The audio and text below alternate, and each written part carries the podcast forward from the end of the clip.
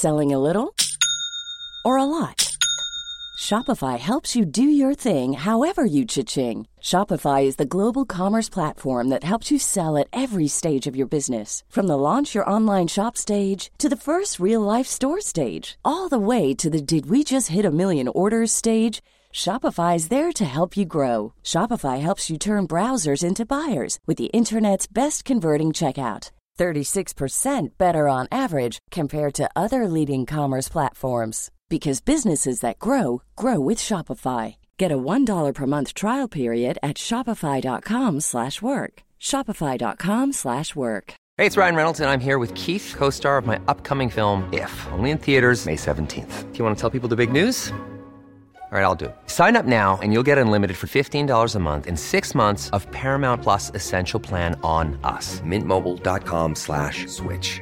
Upfront payment of $45 equivalent to $15 per month. Unlimited over 40 gigabytes per month. Face lower speeds. Videos at 480p. Active Mint customers by 531.24 get six months of Paramount Plus Essential Plan. Auto renews after six months. Offer ends May 31st, 2024. Separate Paramount Plus registration required. Terms and conditions apply if rated PG.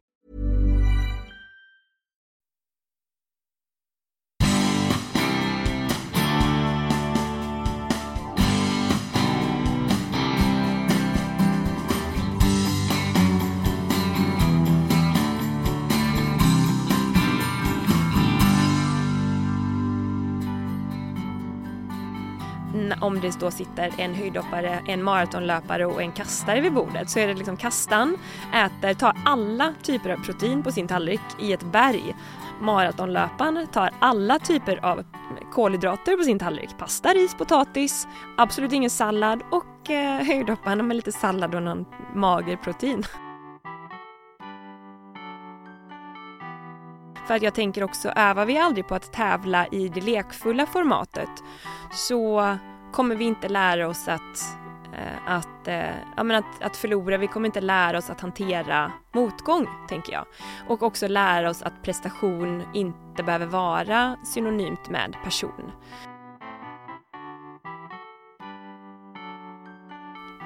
Då var ju, då tänkte jag att bara du inte, du får absolut inte ta medalj. ta inte medalj. Den här podden sponsras av Gröna Gårdar, din ekologiska köttbutik.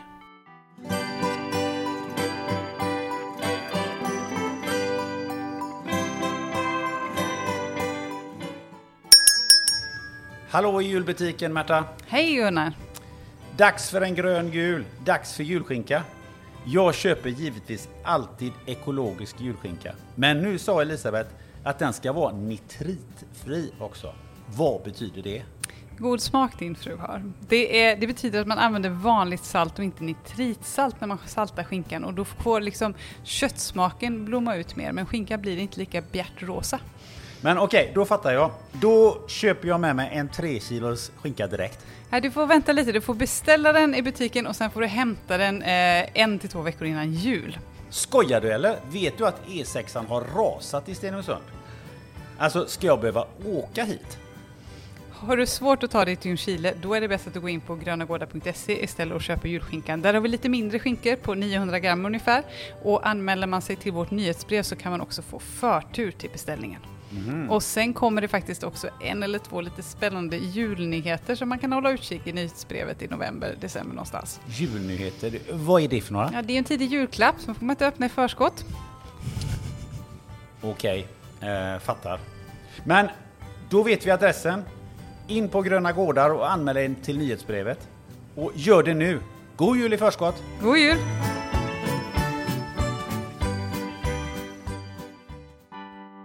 Tack Gröna Gårdar! Som 21-åring slog hon igenom med dunder och brak och tog brons på EM. Sen var sig inget likt. Alla började ställa krav på henne. Tjejen som bara ville hoppa högt och ha kul gick från att vara sin egen person till att bli sin prestation. Ända tills kvällen då hon såg regnbågen över Moskva. Vi pratar också om varför Emma inte ville ta medalj, homeopati, det otäcka i att springa ärevarv, vad frågan Hur känns det? betyder och om hur allt startade i farfars trädgård.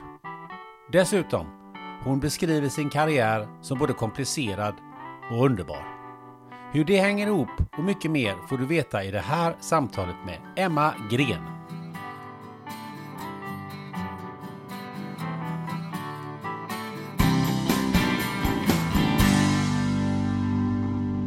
Välkommen till Spännande möten, Emma Gren. Tack snälla, kul att vara här. Du, eh, Gren, är det med ett eller två e? Det är med två E. Fast man läser sig till så, är det, så har du varit på ett e en gång i tiden. Det har det. Eh, men det var för att det blev fel någonstans på vägen. Så ursprungligen med två E.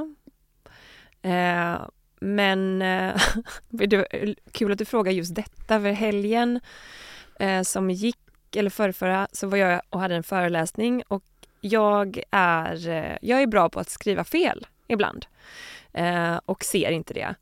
Eh, och min pappa brukar alltid påpeka, så varje gång jag skriver något så här grattiskort eller någonting så är det alltid något felstavat. Jag får nästan alltid så här stryka över för att jag också är lite snabb eh, och skriver alltid lite för stort och med bläck. Eh, och sen så hade jag den här föreläsningen eh, och hade gjort lite så här justeringar och så tänkte jag att nu säger jag bara det första jag gör att ja, ni kan ju bara leta var och, var och hur många stavfel ni hittar här. Men jag, det jag inte trodde att jag hade stavat fel på det var mitt efternamn. För då hade jag stavat med två R och ett E. Så så kan man också stava. Så kanske det var så som hade hänt någon gång för länge sedan när ett, ett E föll bort. Så att vi har alltid inom familjen stavat det med två E. Men i folkbokföringen föll det E någonstans bort och sen så tog vi tillbaks det. Du, eh, Därifrån till att vi sitter här och poddar. Du har ju eh, själv haft en egen podd Ja, tillsammans med en kollega. Vad, vad handlar den om? den handlade om att eh, prestera med glädje. Vem var det du hade den tillsammans med? Jag hade den tillsammans med Camilla Kalin. Mhm. Vem är det? Det är en vän till mig fast vi, eh, nu kan jag väl säga att hon är vän då, men eh, vi brukar, vi brukar säga att vi inte är vänner men vi känner varandra väldigt väl. Eh, Okej, vad är skillnaden? Ja, exakt. Det kanske är hon som brukar säga det. Nej, men att, att eh, vi har jobbat tillsammans, eh, föreläst och vi har en yogastudio tillsammans. Eh, och vi, eh, vi har eh, planer på gång att eh, ta upp igen och sådär. Men just för tillfället har ja, men livet tagit sig eh, en annan vändning. Eh, och förutsättningarna ser så ut att vi inte jobbar tillsammans så aktivt just exakt nu. Eh, men vi har lärt känna varandra genom idrotten. Hon var då, eh, när vi lärde känna varandra så var hon eh, min lärare på friidrottsgymnasiet och ansvarig för friidrottsgymnasiet i Göteborg. Hon var ordförande i eh, Örgryte IS som eh, jag var aktiv och tävlade för. Eh, och vi har gått igenom och upplevt väldigt mycket tillsammans men kanske egentligen inte som, som vänner på det sättet. Eh, att vi har umgåtts privat utan mer i, ja, genom idrotten framför allt och skolan då. Ehm, så att en, en eh, djup och väldigt härlig relation men, men som sagt egentligen inte som vänner om man ska vara petig. Men varför startade ni den där podden då? Men för att vi tyckte att det behövdes pratas om. Eh, för att vi upplevde att många eh, ja, men, tappar bort glädjen till prestation. Många är stressade och eh, många bränner också ut sig själva i det här ständiga prestationshjulet och vi upplevde att det saknades kanske en tydlighet kring prestation eh, som i många fall kanske i, i idrotten är den tydlig även om jag också upplever då såklart att, eh, att prestationen inte alltid är glädjefylld även där men att, att eh, i eh, livet utanför idrotten så kanske ja, men det blir oftast otydligt och vilket gör att eh, många upplever att prestationer blir, eh, ja men glädjen försvinner. Mm. Jag tror vi ska komma tillbaka till det ämnet har jag en känsla av. Men jag tänkte ta en sväng om andra grejer som du gör just nu. Mm. Eh, Kan du berätta lite om det? Ja, det kan jag. Eh, vad vill du veta? Nej. Eh, nej, ja, om jag går in på din webbsida så, är det, så har yoga en väldigt stort eh, utrymme Ja. och eh, online-PT har ett stort Mm. utrymme. Så vi- låt oss börja där då. Ja, vi, vi börjar i den änden. Eh, ja, men ehm, just nu så är mitt mitt huvud eller min huvudsyssla eh, personlig träning online. Och ja, det involverar ganska mycket yoga, men inte bara yoga utan också ja, men, vanlig träning för vanliga människor som eh, eh har ett vanligt liv och som vill, eh, behöver, ja men har kommit till det där eh, eh, ja, men fasen att de inser att de behöver prioritera sin egen hälsa och inte riktigt mäktar med att göra det på egen hand. Eh, då finns jag där för dem. Framförallt eh, kvinnor eh, mitt i livet. Många som hör av sig till mig har eh, kanske tappat bort sig själva efter att eh, ha fött barn och eh, men tappat bort sin egen träning och eh, behöver kanske går ner några kilon eller bara vill eh, ja, men känna sig mer bekväma. Eh, och många äter inte heller jättebra. Många slarvar med, med maten och därav äter de mycket socker och upplever att, att eh, de inte riktigt kan kontrollera sockersug och sådana där saker. De känner att energin, lusten, orken liksom försvinner och att ja, men de behöver helt enkelt ta tag i sig själva. Eh, och jag tycker det är jätte eh, fint att få kunna vara med och inspirera på ett balanserat sätt. För det handlar inte om någonting som är extremt utan att finnas där som någon som stöttar, ger råd, peppar, ibland säger att de liksom behöver köra på och ibland ta ett steg tillbaka. Eh, och eh, ja, men hjälpa dem att styra upp lite helt enkelt varför tappar man bort sig där eh, någonstans i den livsfasen som du nämner här? Uh, ja, men eh, ja, det verkar vara väldigt, väldigt vanligt uh, och jag tror att det är olika anledningar såklart. En anledning är ju såklart ja, men tid och kanske att man inte har vanan att prioritera. Ja, men kanske inte har ja, men kanske också att man tränar på ett visst sätt eh, och tänker att träning måste vara på det sättet och kanske inte har kunskap att, eh, att tänka om eller eh, Eh, jag tänker, och jag tror också att många, när, man, när vi blir lite äldre så inser vi att eh, ja, men vi behöver ta hand om oss själva på ett annat sätt. Man kanske är mer aktiv med någon sport eller idrott när man är yngre. Men kanske också att man, att man bara har det lite på köpet när vi blir äldre. Så tyvärr så, så så vi, vi förfaller. eh, nej men alltså ämnesomsättningen blir sämre. Eh, muskler, om man inte använder muskler då försvinner muskler. Eh, och det är klart att eh, det kanske blir tydligare när vi blir äldre också och vi inser att, och många blir liksom mer och mer stillasittande i, i vardagslivet också. Vad är de vanligaste råden som de får utav dig?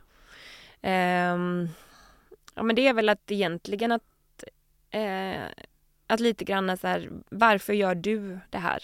Eh, att man ska veta när man går in i det vad som är drivkraften och varför man vill göra det. Eh, och, och, för de flesta handlar det ju om att faktiskt ja, men bara komma igång med någonting. Det är inte svårare än så. Men vissa har ju mer specifika mål. Eh, så det är väl bör, börja och, och att förstå det lite. Och sen så Eh, att eh, på något sätt få de jag coachar att förstå att, eh, att det lilla räknas. Du har ju även yoga då. Vad, mm. vad, vad är din relation till yoga? Jag började med yoga under min eh, tid som höjdhoppare för att men jag var nog lite nyfiken på det ganska länge, eller ja, men ett, ett tag. Men jag upplever också att eh, det fanns någon liten så här... Eh, ja, men idrotten är lite, på ett sätt konservativ.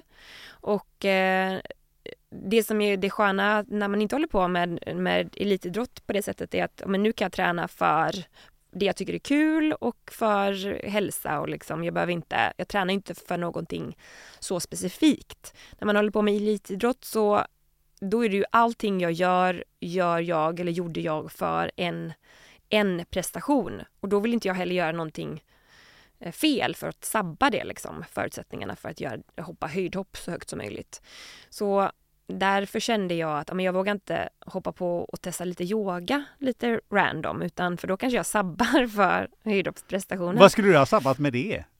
Uh, ja, skada mig eller någonting i någon konstig position när man står och, och vränger ut och in på, på benet. Nej, men eh, jag vet inte, eh, tänker jag ju nu. Men det fanns ju också väldigt många som hade tyckte att det var att jag inte skulle hålla på med yoga så mycket som jag gjorde fast jag egentligen inte gjorde så mycket.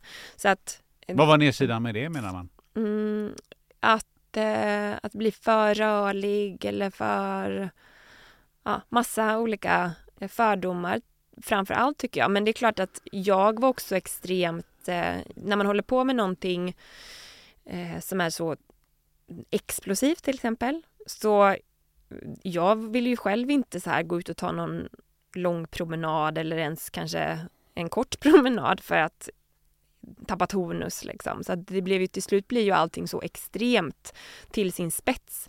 Så att, och det var man, jag kanske präglad av. Men jag började i alla fall med yogan för att eh, eh, ja, men jag var så skadad överallt och insåg att kroppen är liksom en helhet. Har jag ont någonstans så hänger det ju ihop med någonting annat.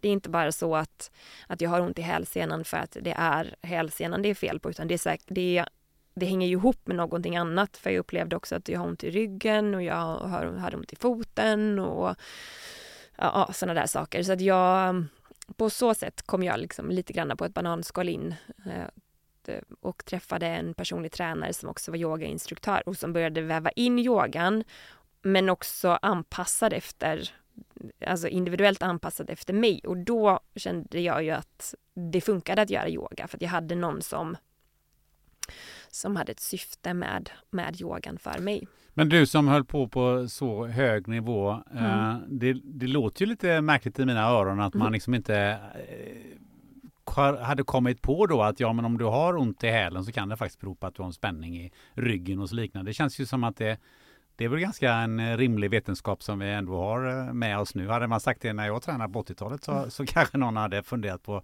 vad då då? Men, eh, men idag är, är man inte så, har man inte kommit så pass långt så att man ser kroppen som en helhet? Eh, både ja och nej skulle jag säga. Eh, absolut, och det kanske är att hårdra det lite när jag säger det så, men jag upplevde ju också att väldigt mycket fokuserades ju på exakt den skadan och ingenting annat.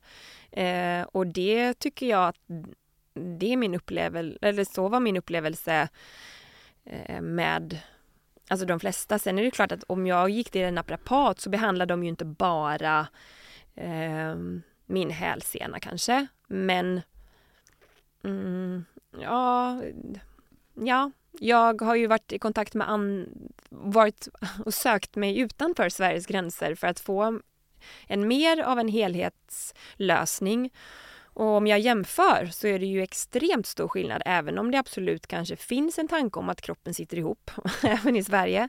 Eh, och att själen också påverkar och hur vi mår och att liksom och det inte är direkt eh, liksom djupare än att eh, om man mår dåligt så spänner man sig och då blir det spänningar i kroppen som, som såklart påverkar och gör att till slut kanske det blir en smärta och någonting värre och djupare skada så upplever jag att det är väldigt stor skillnad på eh, hur eh, man ser och den, det synsättet i andra länder. Och det, vi behöver inte komma, åka så långt utanför. Vad är, hur är synsättet där? Nej, men jag har varit väldigt mycket och fått hjälp av en tysk läkare som är eh, homeopat. Eh, och eh, ja, men, där skulle jag säga att det är väldigt mycket mer fokus på helhetslösningarna, både med kanske vitaminer och mineraler och också hur eh, ja, men kanske också på något sätt ge lite mer ehm, eh, pepp på något sätt. Inte se det så mycket som en skada och, utan mer på lösningen och, eh, och också hjälpas åt i den lösningen. Att förstå att, eh, att det behövs olika kanske terapeuter eller sådär som kan olika saker. Och, ja. Du, eh, nu har vi kretsat kring eh, elitidrott och närmat oss den lite grann. Ja. Nu tycker jag vi, vi ger oss in i den och jag tänker mig om vi tar oss till Slottsskogsvallen. Vad betyder Slottsskogsvallen för dig? Ja, men där har jag ju eh, spenderat många timmar. Eh, och jag har ehm, Ja men jag har en väldigt bra känsla kring Slottsskogsvallen och jag älskar att åka förbi där och kika in och se om det är någonting som händer. Eh, det är alltid härligt att komma dit och jag känner eh, nog alltid, både när jag kommer in i Friidrottens hus och till Slottsskogsvallen, att jag bara vill eh, ja, dra ett lopp eller hoppa och studsa lite. Har du gjort det någon gång? Ja. Bara Mm. sådär? Kommit in och ja, men jag åker förbi och tar ett varv? ja, men jag tror att det går, det känns som att det går inte riktigt att vara där och inte springa runt lite. Mm. Nej, jag kan, Men jag är ju inte där så ofta. Nej, jag kan så- hålla med dig. Jag, jag Mm. har också tränat en del på Slottsskogsvallen. Tycker att det är, det är ett, ett härligt ställe att vara på. Mm. Eh, var det där karriären startade någonstans? Mm, ja, men det var det väl egentligen. Ehm, första friidrottsmötena var ju absolut hemma. Eh, definitivt. Hur så då? där föddes det. Eh, ja, hur då? F- första friidrottsmöten kanske var egentligen i Skåne. På Jaha, somrarna berätta. hos eh, eh, min farmor och farfar. Eh, i, och även hemma. Men jag har väldigt starka minnen från, eh, från uppväxten och från att eh, farfar eh, grävde en längdhoppsgrop i sanden. Eftersom de bodde i Skåne så var det ju sand överallt så det var bara att gräva en grop så fick man en längdhoppsgrop. Och de hade en stor trädgård och tomt och ehm, det kanske en, antagligen blev det pappa som grävde men det var på farfars initiativ kanske eller på vårat, jag vet inte. Eh, jag, jag och min bror då. Ja men så då började vi hoppa eh, längdhopp i, där och sprang mot jag kommer jag kommer ihåg att farfar han sa att han hade alltid träskor, trätofflor. Eh, och eh, att han, han sa att någon gång när han sprang, och det kanske var sista gången vi sprang mot honom, var att det svartnade, svartnade framför ögonen. stackars farfar. ja, så, ja, han var rolig. Men i alla fall så, och, eh, nej men så där föddes väl, eh, bland annat där och sen hemma, att jag och brorsan liksom tävlade. Och då var det blodigt allvar. Jag var först. Jag, först. Först var det väl jag som var, han är två år yngre. Och först var det väl jag som var klart snabbast. Sen så började han komma ikapp mer och mer och mer. Till slut så var vi liksom, var vi väldigt jämna och då var det slagsmål varje gång om vem som var korsade mållinjen först. Så på något sätt var det väl kanske där som min eh, tävlingsinstinkt föddes. Eh, för det var ju verkligen, det var ju tävling om, eh, om allt där. Eh, och sen så eh, och, och, och anledningen till att vi höll på och lekte friidrott liksom är ju för att ehm, ja, men, kommer från en friidrottsfamilj och eh, farfar eh, sprang och mamma och pappa de eh, sprang och höll på med friidrott. Eh, så det var ett, ja men det var bara naturligt att det fanns med. Jag tror att vi hade, pappa byggde ihop någon, eh, någon höjdhoppsställning också. Det var lite svårt att få ihop. Men alltså att våga hoppa utan att ha en madrass och sånt. Men eh, så att det var ju spännande och roligt när, när jag fick testa det i skolan sen. Och sen så började jag på någon friidrottsskola och till slut så hamnade jag väl på Slottsskogsvallen. Men resan dit, den gick aldrig via fotboll eller de här vanliga inom citationstecken sporterna utan det var friidrott hela vägen. Nej, jag, eh, jag, jag gick i gymnastik när jag var, ja men liksom gick kanske i eh, lågstadiet. Eh, Men, för det var det som fanns. Eh, Och det tyckte jag var jättekul. Men det blev alltid så att det dök upp någon ny så att vi, vi så fort vi, vi kom till någonting som skulle vara lite mer utmanande, typ att nu ska vi göra volt, nästa vecka ska vi öva på volt. Och då, drö, eller så här, och då dök det upp tre nya. Så bara, ja, då börjar vi med kullerbyttor. Så, ja, så blev det liksom aldrig någonting. Så vi kom aldrig någonstans. Eh, vilket till, så till slut så tröttnade jag väl på det. Eh, och så testade jag fotboll. Vilket jag egentligen insåg väldigt snabbt att det var ju inte min grej. För att? Eh, för att det var en boll involverad i fotboll. och jag kände bara, kan vi ta bort bollen så vi bara kan springa fritt? Eh, och jag kände att, att eh, det var det jag ville syssla med. Eh, och jag, varje gång jag, bollen kom liksom, så, så var det ju bara "Gah! Hjälp, vad gör jag med den? Och så sköt jag den helt fel. Och nej, nu blev det fel igen. eh, och sen så, så äntligen så fick jag bara göra, göra friidrott. Mm. Ja, det är lite kul det här, för jag, jag brukar säga, och det är, säkert inte jag som hittat på det, men att eh, friidrott och gymnastik det är alla idrotters eh, moder. Ja, Eh, men lite så. Det tycker jag nog faktiskt, eh, Mm. för att mer allsidighet än, än eh, det får man faktiskt leta efter. Mm. Ehm, eh, men du har ju inte, du har inte bara hoppat höjd, utan det, det fanns ju rätt många olika grejer du gjorde på vägen. Ja, det fanns det, men, eh, men jag började egentligen eftersom jag hade ju ändå, så här, jag började ju egentligen jättetidigt, men jag började ju inte eh, organiserat förrän ganska sent. Så därav har jag inte, för de flesta eh, har ju tävlat i massa olika grenar när de är små, men det här gjorde jag inte riktigt. Eh, så att jag började egentligen ganska så direkt med att satsa på höjdhopp och att springa kombinerar jag ganska länge med att springa 100 meter och 200 meter. Eller ganska länge, men något år eller två. Eh, och sen så, så hade egentligen det- vi, det var egentligen lite senare som jag efter att ha slått igenom och tog VM-brons 2005 som 21-åring då eh, gjorde jag en liten avstickare och hoppade längdhopp och tog SM-guld, hoppade tresteg. jag eh, tror att det blev ehm, silver på något inomhus-SM. Eh, sprang 200 meter på Finnkampen och gjorde Europacupen och sprang även 4 gånger 100 meter stafett på EM här i Göteborg. Jag Tror vi kom femma. Ja, lite sådana grejer, men som då drygt 20-åring istället. Men en karriär alla Carolina Klüft var aldrig aktuellt med sjukamp?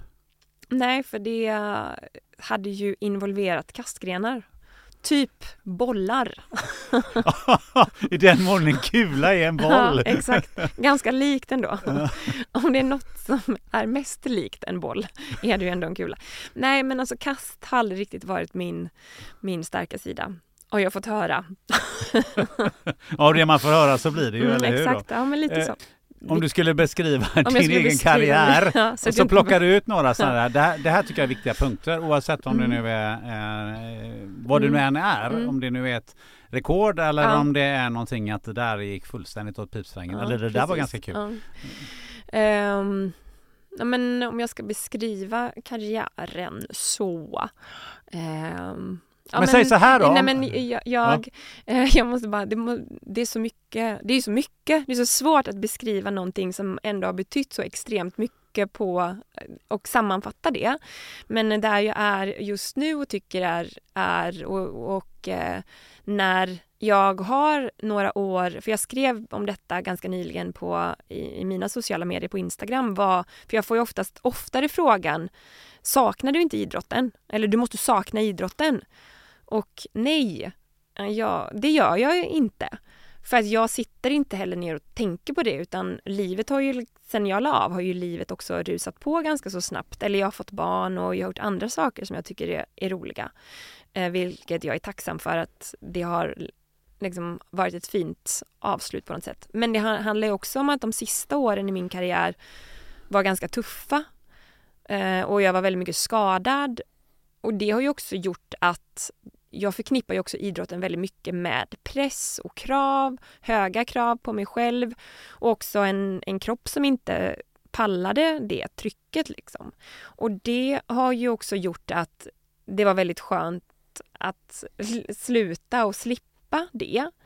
Men sen är det klart att när jag nu då, när det börjar ändå så här, när jag börjar tänka på friidrotten mer ur perspektivet att mina barn eventuellt skulle hålla på med idrott och tänker också så här, skulle jag då vilja engagera mig på något sätt?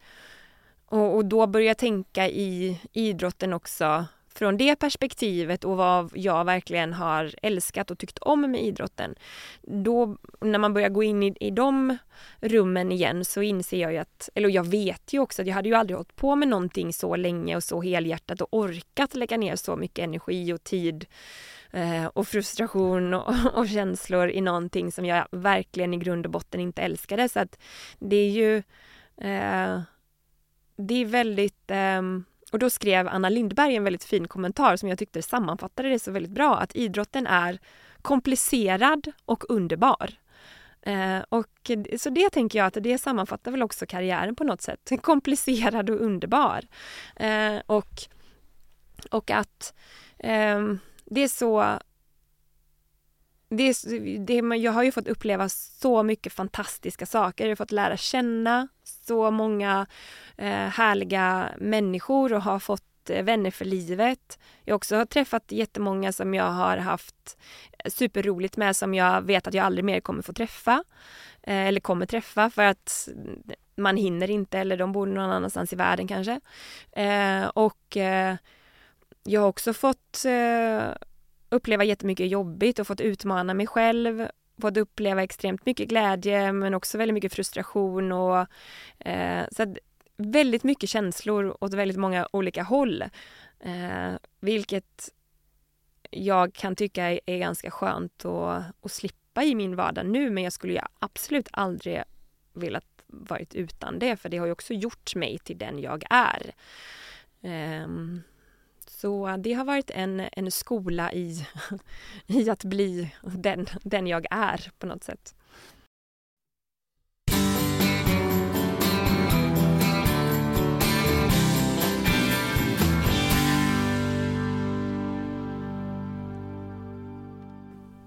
Den här podden sponsras av FunMed. Peter Martin, du är läkare och grundare av FunMed-klinikerna som jobbar med funktionsmedicin. Där hjälper ni patienter på ett helt nytt sätt. Kan du förklara lite mer, vad är funktionsmedicin egentligen? Ja, många som kommer till oss, de har till exempel eh, migrän, smärttillstånd eller högt blodtryck. Istället för att då skriva ut läkemedel som trycker ner symptomen så kartlägger våra läkare de underliggande orsakerna hos just dig som individ. Sen kan de rikta in behandlingen med hög precision och du som patient kan faktiskt läka på riktigt. Saknar du någon som tar ett helhetsgrepp på din hälsa? När du tecknar FunMeds medlemskap så ser man hela dig.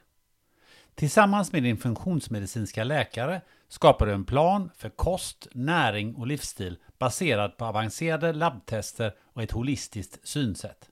Du får stöd av ett dedikerat vårdteam med läkare, hälsocoach och sjuksköterska.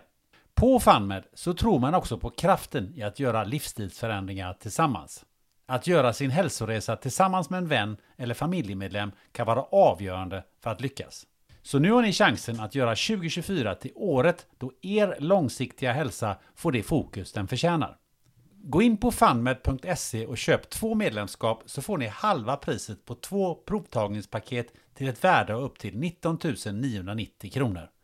Erbjudandet gäller till och med 1 december 2023. Så klicka in dig på funmed.se och starta din hälsoresa. Tack FunMed!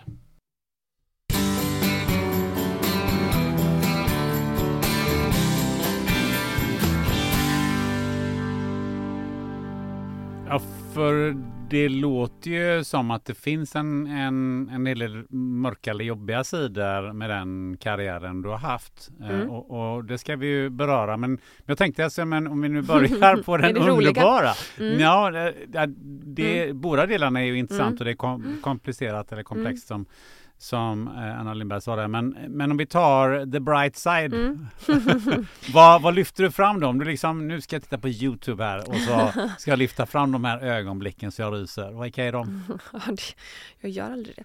Nej, um, men om du skulle nej, göra men om jag skulle göra det, om jag skulle visa för barnen. Nej men då är det ju såklart, eh, alltså det är ju också så här, idrott och fridrott, det är ju eh, det är ju inte så här någon bedömningssport utan det handlar ju om att hoppa högst.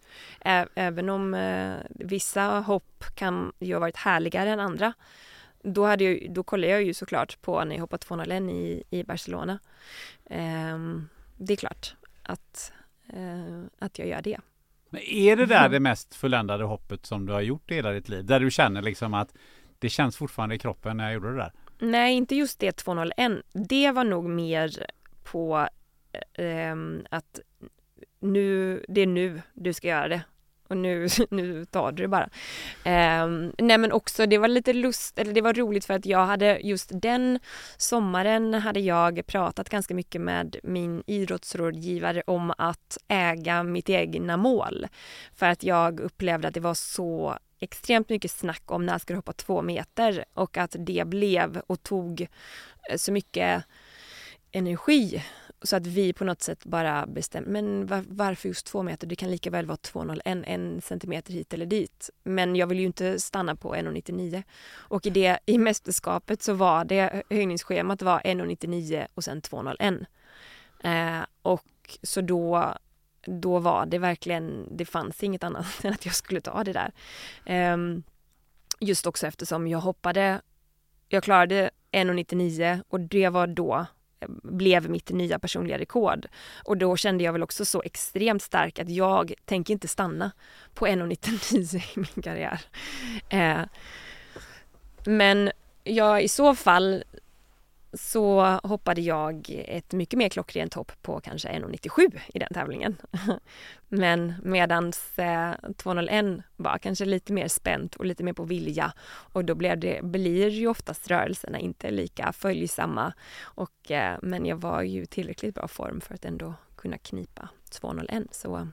Vad tänkte du sen efter 2,01? Vad kom sen? 2,03? Mm, 2,03 Eh, ja, men då, tänk, då var jag nog bara så extremt mycket inne i, i bubblan men jag var nog också väldigt nöjd då. och det hade varit en extremt lång tävling och mycket komplikationer på tal om skador och sånt eh, inför. Det var väldigt dramatiskt. Jaha, vadå? eh, ja men två veckor innan kunde jag in, inte gå för att jag hade så ont i min hälsena och hade ont i min vad och Eh, fick åka till en, eh, en, det var första gången jag var i, Tyskland då för att träffa en, eh, en, den här homeopaten som jag pratade om tidigare och fick hjälp med den skadan. Det hade varit ganska många eh, som hade åkt dit tidigare, eller ganska många, men en del som hade fått bra hjälp. Och jag kände att vad, vad har jag att förlora liksom? Jag trodde, jag var helt inställd på att eh, jag hade fått bryta en en eh, Diamond League-tävling två veckor tidigare i Paris för att hälsenan värkte så mycket. Och jag, eh, ja men jag kunde inte gå. Um, så då kändes ju EM två veckor senare ganska långt bort om man säger så. För det är ganska bra att kunna, om man ska kunna hoppa max, då är det ändå bra om man kan gå på sin vad och hälsena.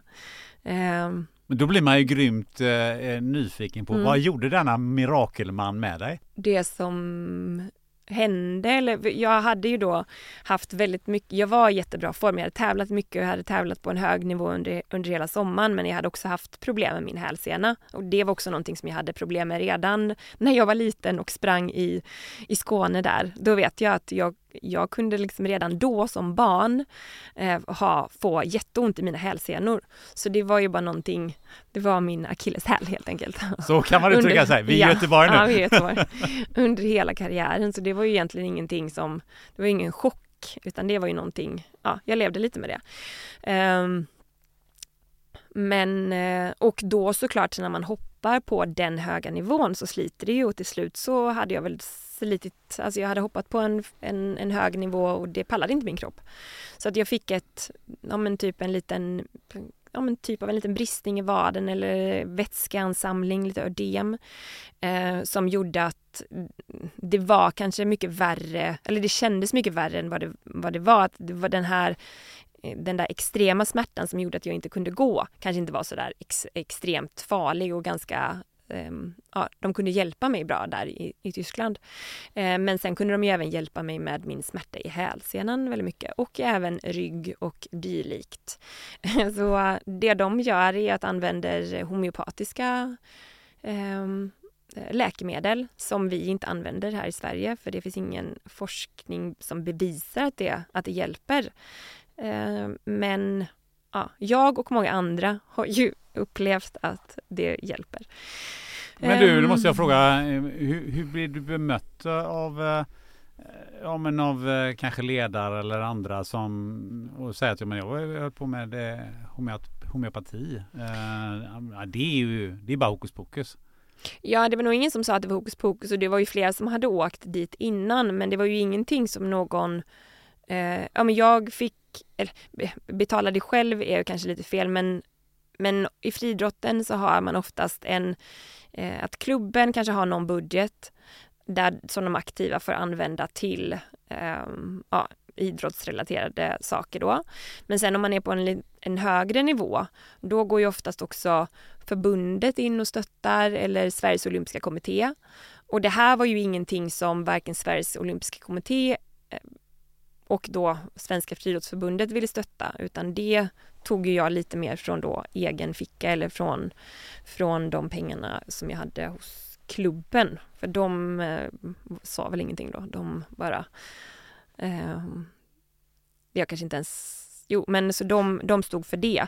Eh, så att, och då är det väl så nära ens egen ficka det kan komma när man är på den nivån. Eh, så att nej, SOK det var nog sista året jag var där innan jag la av. Då började de intressera sig för det och insåg att okej, okay, de gör och jobbar på något sätt som verkar funka eftersom det är så många som väljer att åka dit. Eh, och för mig, från då 2010 tills att jag la av, var jag där eh, ja, men minst två gånger om året och jag hade inte med de skador, sen beror det också på vilka skador man har, men med de skadorna som jag har, hade, då fanns det ingen motsvarighet som kunde hjälpa mig bättre i Sverige. Och jag testade, jag testade verkligen extremt mycket. Ehm, så um, ja, en liksom kombo av, av diverse du, behandlingar. Tillbaka till um, friidrottsbanan där. Någonting mm. jag funderar på, jag tror att världsrekordet är på 2.09 och det är typ mm. 30, uh, drygt 30 år gammalt. Ja. Uh, om vi spekulerar, spekulerar lite, kommer mm. det någonsin att slås? Ja, det kändes ju som att det skulle slås.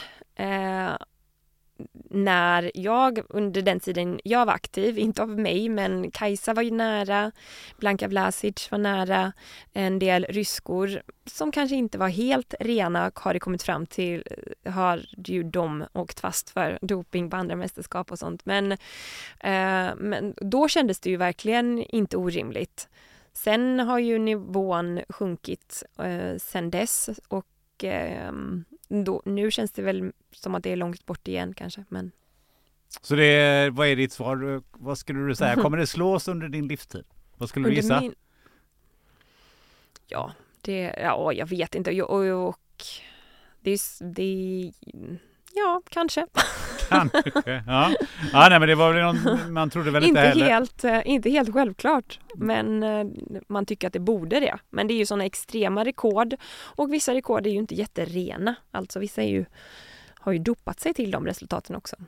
Så det får man ju också lägga in. Så det beror ju på då om... Ja, just det. Ja, det, det ska vi ju Eh, helst inte se att det är någon som dopar sig till det. Eh, men det är klart att eh, vi, eh, det var väl ingen som trodde att eh, Duplantis skulle komma och flyga över de höjderna eh, Nej, precis. innan. Och så helt det. plötsligt så dyker det upp någon. Så dyker mm. det upp någon, ja. Mm. Eller Usain Bolt om vi nu mm. tar honom då. Ehm, en annan grej jag funderar på är hur mycket rökte du? Ingenting. ja, för jag har nämligen, jag, jag har ju pratat med Linus Törnblad. Mm. Och han sa att eh, de höll på att röka rätt mycket för att eh, man måste vara lätt och istället för att käka mm. så rökte man. Ja. Ja men det var det ju en del som, som gjorde, absolut. Men nej, jag har aldrig rökt. Jag för, nej, så, jag var, är kanske också alltså lite intresserad och var kanske även under min karriär ändå av alltså någon typ av hälso något hälsosamt i det också. Även om elitidrott är extremt, det är ohälsosamt. Det är inte, man håller inte på med elitidrott för att må bra. Utan man håller på med elitidrott för att bli bäst. Eh, men på något sätt så hade jag väl kanske antingen bara eh, då genom uppväxt eller någonting på något sätt en grund och bas i alltså att leva och välja den hälsosamma vägen i det ohälsosamma. Så att nej, för mig var det verkligen inget alternativ att, eh, att röka. Eh, men det var det ju absolut många som gjorde, ja. För att, ja men suget ja, matsuget. För det, det ju, blir ju också extremt för det kommer alltid vara, även om, eh, ja men att, att hoppa högt Eh, det kräver, alltså det, är- det är mycket lättare att lyfta någonting som är lätt. Kan vi bara konstatera, sammanfatta det som. eh, och, då, och återigen då, det blir extremt. Ehm, jag känner inte att jag är direkt, eh, alltså jag är naturligt smal. Men jag behöver, eh, ja, jag vägde ju väldigt många kilon färre för när jag var aktiv liksom, än vad jag är nu och gör nu. Ja, för man undrar ju lite. Någonstans så googlade jag mig till Mm. att du är 1,80 och vägde eh, 65 kilo. Då tänker man liksom oj, oj, oj. Det, Ja, och då är det vad jag väger nu kanske. Det vägde jag inte när jag var i topp. Då kanske jag, då vill jag ju helst kanske väga eh, Alltså när jag var som bäst, då vägde jag ju under 59. Men hur, hur kommer man ner på en sån låg vikt? Äter Ja. man något överhuvudtaget? Eller, för samtidigt måste du orka träna och du måste ju faktiskt orka med en lång eh, höjdhoppstävling. Arbetsdag. En lång arbetsdag, ja precis. Jo men jag gör ju inte det hela tiden. Alltså jag kan ju inte väga så lite under så lång tid så att jag gick ju upp i vikt eh, under de perioderna när jag tränade som mest. Och sen så eh, gick jag ner i vikt under en kortare period. Eh, och det är också det som är skillnaden kanske att vara hålla på också med de här idrotterna där du eh, väger in dig för att sen kunna gå upp igen till match eller något sånt där. Utan här handlar det ju också om att jag vill ju vara lätt för min prestation. Och sen blir det också komplicerat för att egentligen, jag, absolut man tränar mycket men jag tränar inte direkt mycket under den perioden som jag Eh, maxpresterar och eh, ska vara i bäst form utan då är ju den tuffa träningen gjord. Eh, sen handlar det mest om att, att ta bort det som inte behövs. Ta bort onödiga muskler, ta bort onödigt. Och, och det går egentligen inte att kompensera att vara lätt i att vara liksom stark. Det kommer ändå vara mer gynnsamt att vara lätt i den ekvationen om du ska ha- liksom lyfta din kropp. Men blir det liksom som Eller- brottare eller boxare? De satte sig i bastun innan och sådär? Var det såna Nej, grejer? men det är ju det som jag menar, det, det, ju, det går ju inte. Eller det finns det säkert de som gör också, men du ska ju vara, du ska ju ha kraften, du ska ha energin. Du, du ska ju inte vara, för, för du, det är ju det som är skillnaden att, att, för då kan man ju säkert då kanske deffa bort mycket eh, under en kort tid, men sen kan du käka upp dig själv. Men det är ju helt ointressant för en höjdhoppare att vara helt, du ska, du ska ju vara lätt men alert. Så, Eh, ehm, ja, be- nej, och det är väl också därför som eh, många tar då otillåtna preparat liksom, för att pusha gränserna. Och gör man inte det, eh, det kanske är också därför som eh, många liksom, går över gränsen och skadar sig om man då inte väljer den otillåtna vägen. Ehm, Vad, vad åt du en dag innan eh, ett, eh, en, tävling som du skulle prestera riktigt mycket? Vad, hur, stod, hur såg dieten ut? Ehm, ja, men väldigt lite kolhydrater, mycket eh, övervikt på protein och... och Var det kyckling till frukost eller vad, liksom, Nej. vad, vad, var vad var frukosten? Var det någon... Nej, men jag åt, jag åt nog inte så... Alltså jag var verkligen inte den som var mest extrem heller. Men och jag skulle säga att så här, okej, tävlingsdag. Det är då om du ska äta någonting någon gång är det ju tävlingsdagen så du har energi. Det är ju kanske veck veckorna innan som du verkligen drar ner. Men det är, jag tycker det är bara så här speglar så här intressant eller så här lite roligt och lustigt så här i, i då en VM-by eller så här inför ett stort mästerskap. Om det då sitter en höjdhoppare, en maratonlöpare och en kastare vid bordet så är det liksom kastan äter, tar alla typer av protein på sin tallrik i ett berg. Maratonlöparen tar alla typer av kolhydrater på sin tallrik. Pasta, ris, potatis, absolut ingen sallad och höjdhopparen med lite sallad och någon mager protein. Så skulle jag säga. och ett glas vatten. Ganska intressant. Eller då cigg och russin som vi brukar sk- skämta med. Det var någon som körde cigg och russin? Nej, men det är väl en standard sån eh, intern skämt. Aha, okej. Eh, men tillbaka till det här med, med prestationer, för det, det var ju någonting som du då höll på med redan som barn. Mm. Eh, och brorsan var ju den Ja. som skulle, först skulle det farfar och Ja. sen var det brorsan då. Eh, men hur, vad hände sen? Tog du med dig det hela vägen in eller hur hamnade du i den här, vad ska jag säga, prestationsmoden eh, där ibland kanske skulle bli för mycket och ibland för lite av den varan? Eh, Men jag tror att och nu också när jag ser på min dotter så bara inser jag att det finns ju. Alltså det bara är. Eh, för hon är redan, och det ska ju, nu är det ju också, nu får man ju inte tävla i, i världen så som den ser ut. Nej men nu är det ju inte, det ska man ju inte lära sina barn att tävla. Har jag förstått på lekplatsen. Det är inte tävling. Eh, vilket jag tycker också är lite dumt för att jag tänker också att det är viktigt att lära sig, framförallt lära sig att att förlora och att man kan inte alltid vinna. För att jag tänker också, övar vi aldrig på att tävla i det lekfulla formatet så kommer vi inte lära oss att, eh, att, eh, ja, men att, att förlora. Vi kommer inte lära oss att hantera motgång, tänker jag. Och också lära oss att prestation inte behöver vara synonymt med person.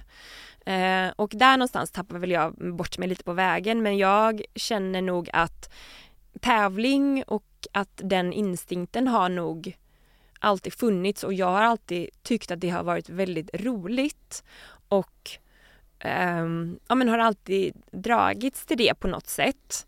Och jag kände nog också ganska tidigt att det var inte självklart.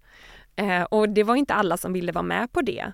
Och det var kanske också det som gjorde att jag Eh, trivdes så bra när jag väl kom till friidrotten sen att då var inte jag konstig för att jag ville tävla utan det var någonting som man fick göra där. Eh, men i skolan kanske bland andra kompisar så var det liksom bara så här när jag skulle tävla om allting hela tiden, det var inte, det var ingen som var intresserad av det liksom. Eh, så på något sätt när jag väl hittade friidrotten, då hittade jag ju mitt forum där jag fick vara mig själv. Eh, och där jag presterade och tävlade för att jag tyckte det var roligt och jag gjorde det för min skull. Eh, jag gjorde inte det för att vara någon annan eller för, alltså jag ville ju klart vara bäst eh, och tyckte det var roligast att vara bra. Men jag var ju inte alltid bäst. Mm. Och jag tyckte ju det fortfarande var lika roligt att tävla. Sen så kände jag väl på något sätt att jag hade talang för det. Eh, och det, kanske, det var väl också det som drev mig. Men sen så var det ju någon gång där när jag slog igenom 2005 som 21-åring och tog eh, VM-brons. Eh, där tappade jag bort den här genuina glädjen i prestationen och i tävlingssituation. Alltså det, då, då, började, då började an, annat blandas in. Eh, och då, blev det, då började det komplicerade förhållningssättet till idrotten och det mer komplexa och, och det som ställde till det för, för mig. Varför var det så? Vad var det för ingrediens som kom farande då? Eh, media. och eh, eh, men att, eh, att, att helt enkelt behöva blanda in andra människor i, i det. att det inte bara kretsade kring kring mig själv. Och eh, tror jag. Men nej, men eh, egentligen eh, en känsla inom mig att nu förväntar sig folk. Nu är jag en offentlig person. Nu, och det har nog kanske att göra också väldigt mycket med min personlighet. Att jag eh, alltid har varit en, någon som eh, ja, men vill vara snäll och vill vara till lags. Inte vill jag, inte, jag vill inte någon illa. Jag vill inte göra, eh, vara, vad ska man säga, eh, ja, jag var ju inte där heller för att sticka ut eller för att ta plats eller för att eh, få uppmärksamhet utan jag var bara där för att jag tyckte det var kul att hoppa höjdhopp för min egen skull. Och helt plötsligt så blev det så mycket mer. Eh, och det blev ju också ett jobb till slut. Eh, och känslan blev ju också att eh, att, eller jag trodde, i mitt huvud så kändes det ju som att alla tyckte och förväntade sig någonting av mig. Men det vet jag ju att eh, det är ju ingen som bryr sig. Alla har ju fullt upp med sitt eget. och även såklart om, om det är jättemånga som har hejat, jättemånga som kommer fram nu efteråt och tackar för all underhållning och det är ju fantastiskt och jättefint och jag är jätteglad för det.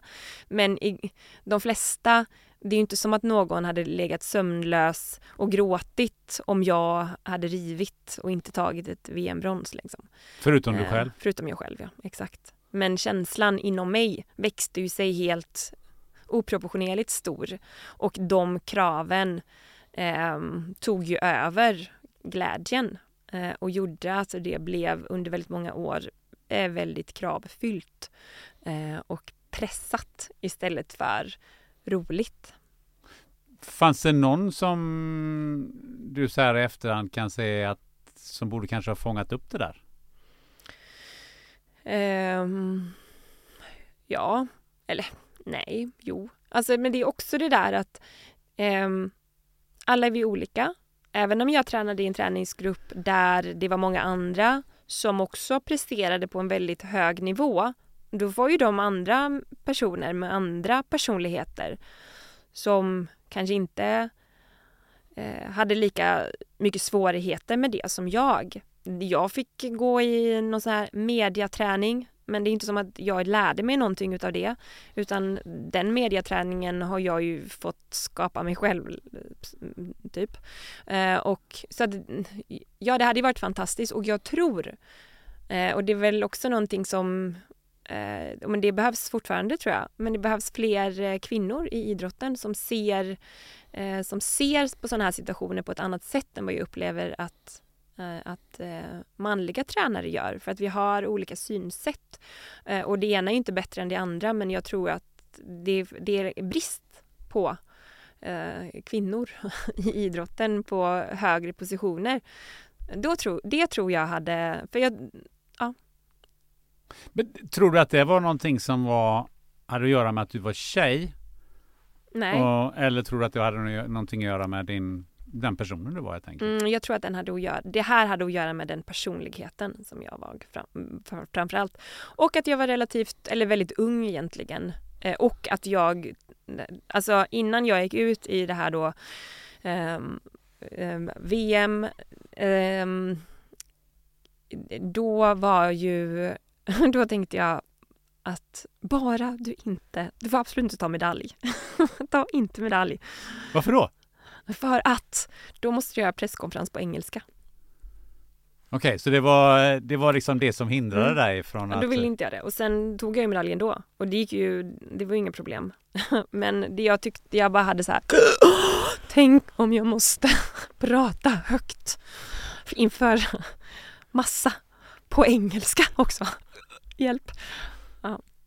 Var det det som eh, hindrade dig att ta VM-guld någon gång? Nej, Nej verkligen För det är också så, minnet är bra men kort. Så det glömde jag ju bort när jag väl stod ute på, på arenan. Det var inte som att jag tänkte att jag inte fick ta en höjd då. Då hade jag glömt bort det. Den strategin fanns inte. Sen efteråt, typ ganska så snart efter, efter att jag hade eh, förstått att jag tog VM-brons, då fick jag ju lite sån klump i magen. Nej! Och jag vet också att jag, jag ville verkligen inte springa något ärovarv eller sådär. Men jag vet att det finns också så scener från att jag bara så jätteobekvämt när någon försöker få mig och Kajsa att springa ärovarv samtidigt med någon flagga och jag försöker bara krångla mig ur att jag vill inte ta hennes uppmärksamhet men jag vill inte heller springa något ärovarv. Jag vill inte ta den platsen. Jag var inte där då. Eh, jag hade inte det i mig att så jag ville bara på något sätt så här, nu har jag gjort mitt, kan jag få gå härifrån? Men om du reflekterar eh, så som du sitter eh, här och nu mm. och dina senare år och tittar mm. tillbaka på den tiden. Kan du då, har du då funderat på varför du var sån så att du inte ville ta den här eh, platsen? Var kom det någonstans ifrån? Men jag var inte redo. Ehm, jag, jag var blyg och jag, jag hade inte vuxit in i mig själv. Jag var ung och eh, jag eh, hade, kunde absolut ta plats i de sammanhangen som jag var bekväm men jag var inte bekväm på en arena där ja, men, inför en livepublik på nästan 100 000 och sen bara miljoner tv-tittare runt om i världen. Och jag gick från att ha gjort, absolut hade jag gjort eh, juniormästerskap och absolut hade jag ju, men det var ju i princip från att jag, jag hade ju, jag hade ju knappt gjort någon intervju innan. Och sen eh, ska man gå, ja men just det som vi pratade om innan, att det värsta jag visste eh, var att prata inför eh, mer än en person och prata inför klassen. Det var liksom, det tror jag, det är ju inte bara jag som har svårt för det men, men jag var extrem i att jag ville bara sjunka under, under golvet. Eh, och sen då för klipp från det till att att stå på de stora arenorna. Jag, det hade krävts mer, så här, jag behövt, hade behövt öva lite mjukt på det för att kanske kommit till en plats där jag hade mer kunnat ta plats. Och det kunde jag göra på slutet av min karriär. Då var det inte något svårt, men det krävdes ju att jag fick öva på det och känna på den känslan. Det, jag hade ju inte det. För hur kändes det då egentligen att kliva ut där inför 60 000, för det var ju ändå de som mm. var närvarande, eller hur ja, många det precis. nu var. Ja, mm. Alltså tv-tittarna ser du ju liksom inte. Eh, som tittar på dig och nu ska du mm. göra ett hopp, för det måste du ju mm. ändå... Men det hade jag inga problem med, absolut. Vad var skillnaden då? då? Eh, jag behöver inte säga någonting. Jag gör ju någonting som jag kan. Eh, och det är någonting som jag har övat på så många gånger och jag har, jag har hoppat så många gånger, jag har hoppat inför publik så många gånger. Men jag har inte behövt att prata med publiken. och jag har inte heller behövt att, stå till svars för så journalister som ska fråga eh, hur känns det? hur, varför hoppar du inte bättre? Varför? ja, sådana där saker. Eh, eller, ja men det där hade jag inte behövt göra utan jag, det jag kunde var att hoppa höjdhopp. Och att göra det för publik, det älskade jag. Men resten, det hade jag inte övat på. Och det var inte därför jag började med, med friidrott för att stå i mixed zone eller att sitta på en presskonferens. Eller att skriva autografer till alla barn på arenan. Eh, eller då prata med eh, alla som tycker om friidrott. Det var, inte, det var inte därför jag höll på. Det har ju någonting som har vuxit med mig och som jag kan uppskatta nu. Eh, och förstå syftet och sådär med. Men det var ju inte någonting som Ja, det var inte det som drev mig från början. Jag fastnade ju på några rader som du har skrivit på din Instagram. Mm. Eh, och som jag har naturligtvis bäring på det här. Mm. Det står så här. Det fina har legat gömt under ett lager av mörker. Ja. Vad, och det här mörkret, om jag förstår det rätt, så, eh, så, så började det någonstans när du var 21 och tog din första mm. VM-medalj. Och sen ja. höll du ändå på ganska länge. Ja. Hur är det att leva i, i mörker. ett mörker i 12 år eller hur länge det nu var? Nej, men det var inte ett, ett, ett, mörker under hela de åren. Absolut inte. Men eh, det var då som det komplicerade och det mer komplexa med idrotten eh, började. Eller det var inte som att det smög sig på heller utan det kom bara som ett eh, Det kom som ett eh, vulkanutbrott liksom. Ehm, och sen så handlade det väl ganska mycket Eh, kommande åren om att hitta en ny relation till idrotten. Eh, en annan. Eh, så. Och där jag fick lite granna hitta ett nytt förhållningssätt också på ett sätt. Ett, eh, och jag tänker att det är lite så här om man liknar det vid en, en kärleksrelation att, att eh, den förändras liksom och fördjupas. Eh, den kanske inte är på samma sätt men det betyder inte att man inte, inte längre tycker om personen eller är kär eller så. Men den här, eh, det som jag förälskade mig i, i eh, höjdhoppet och idrotten, det, den, den känslan var inte densamma men, och jag fick, det var bara att det blev också väldigt så här eh, pang, boom, någonting annat för mig att förhålla mig i, vilket jag upplever att det är det kanske de flesta andra eh, kanske får en lite mjukare övergång. Kanske då beroende på att liksom, utvecklingskurvan är inte lika kraft eller snabb eh, från att man börjar, för jag började också ganska så sent. Eh, eller så är man en annan person helt enkelt med en annan eh, ingång till det. Eh, så att nej men det, det tog väl några år innan jag insåg och både insåg själv och också fick hjälp då från en idrottsrådgivare att bara hitta tillbaks till mitt sätt och att förstå att jag gör det här för min skull.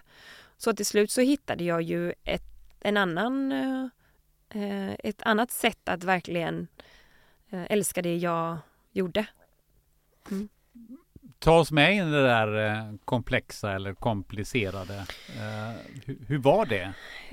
Um, ja, hur var det? Nej, men det kunde ju vara att jag skulle hoppa höjdhopp och uh, stod på ansatsmärket eh, uh, och bara typ grät för att jag kände att jag, kom, hur fan ska jag komma fram dit ens? Jag ser inte det, det som har varit så här helt, det, det är bara så här helt självklart. Helt plötsligt en dag så var det bara som att det var, det var bara jobbiga känslor som höll mig tillbaka. Och det var då också jag började eh, eh, känna att jag måste göra, eller jag vill göra det här, eller jag älskar detta. Jag tycker det är så roligt men just nu tycker inte jag höjdhopp är kul överhuvudtaget. Så det var också då som jag testade att göra andra grenar för att på något sätt locka fram glädjen till idrotten igen.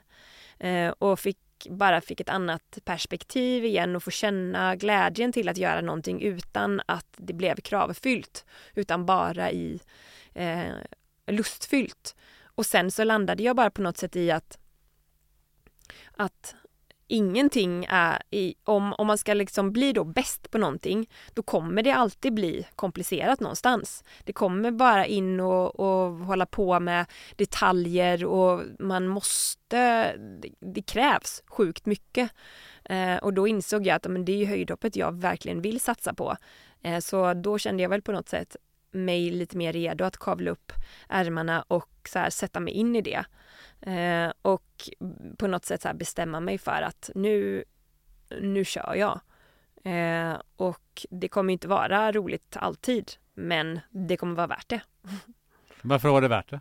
För att jag tyckte att det var spännande att eh, och såklart så sjukt roligt de gångerna där det, där det bara sitter. När det, där det, när det finns. Och det var ju också någonstans det Alltså den känslan att få tävla. Att få utsätta, alltså det här tävlingsmomentet har ju jag egentligen älskat. Det är bara det att det inte är kul när, när pressen blir för stor från mig själv eller när jag inte kan göra mig själv rättvis för att jag är skadad eller vad det nu är för någonting. Eh, men när jag har kunnat förbereda mig på bästa sätt och kroppen är redo för det, då är det ju helt eh, sjukt mäktigt. Sen var det ju också såklart att det var jätteroligt att få eh, ha, dela den upplevelsen också i en träningsgrupp där jättemånga andra också har samma vilja och ambition och, eh, och det, ja, drivas tillsammans och inspirera varandra och, och sådär. Mm. Vad i det här upplevde du eh, som var själva grejen? Alltså att flowet att göra det där hoppet mm. som, som man gör utan motstånd om man ja. bara flyger över. Är det de här 60 000 som ställer sig och vrålar eller är det att ställa sig där längst upp eller åtminstone på, på pallen med, med en medalj runt halsen?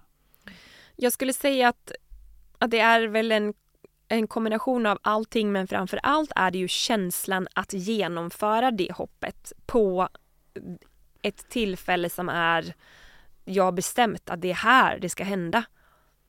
För att det är en sak, det är ju fantastiskt att göra den prestationen och den, ha den upplevelsen för jag har också, ja men det är inte så många gånger jag har hoppat på den nivån på träning. Eh, för att för, för, för mig så har det alltid krävts på något sätt någonting alltså annat för att försätta mig i den situationen att jag kan pressa mig till det eller liksom tända det där som krävs för att jag ska kunna klara av att hoppa så högt. Och det har ofta, oftast varit eh, när det verkligen gäller, när det är någon som tittar. Eh, men det har ju också hänt att jag har gjort det några gånger på träning och det är ju såklart också eh, fantastiskt.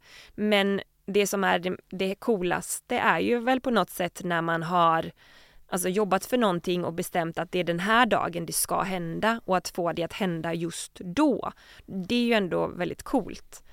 Eh, och sen, jag skulle ju ljuga om jag sa att jag inte brydde mig om publiken för att det känns också som en, för det var också någon som sa det nu och jag har inte ens tänkt på det på det sättet, eh, att Eh, det var en, eh, en av eh, förskolepedagogerna till barnen som sa att men eh, för, för de älskar friidrott och tittar på friidrott så säg att vi betydde någonting.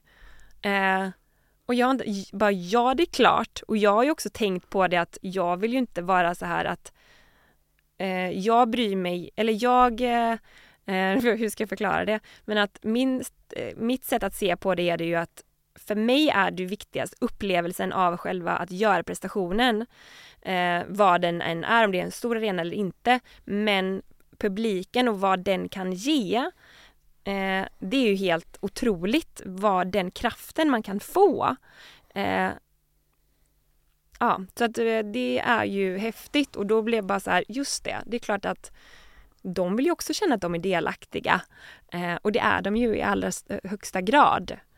Men samtidigt är det ju också väldigt häftigt att få uppleva det där vad det än är, utan publik eller med publik. Mm. Men den grej, sista grejen jag sa, kliva upp på pallen?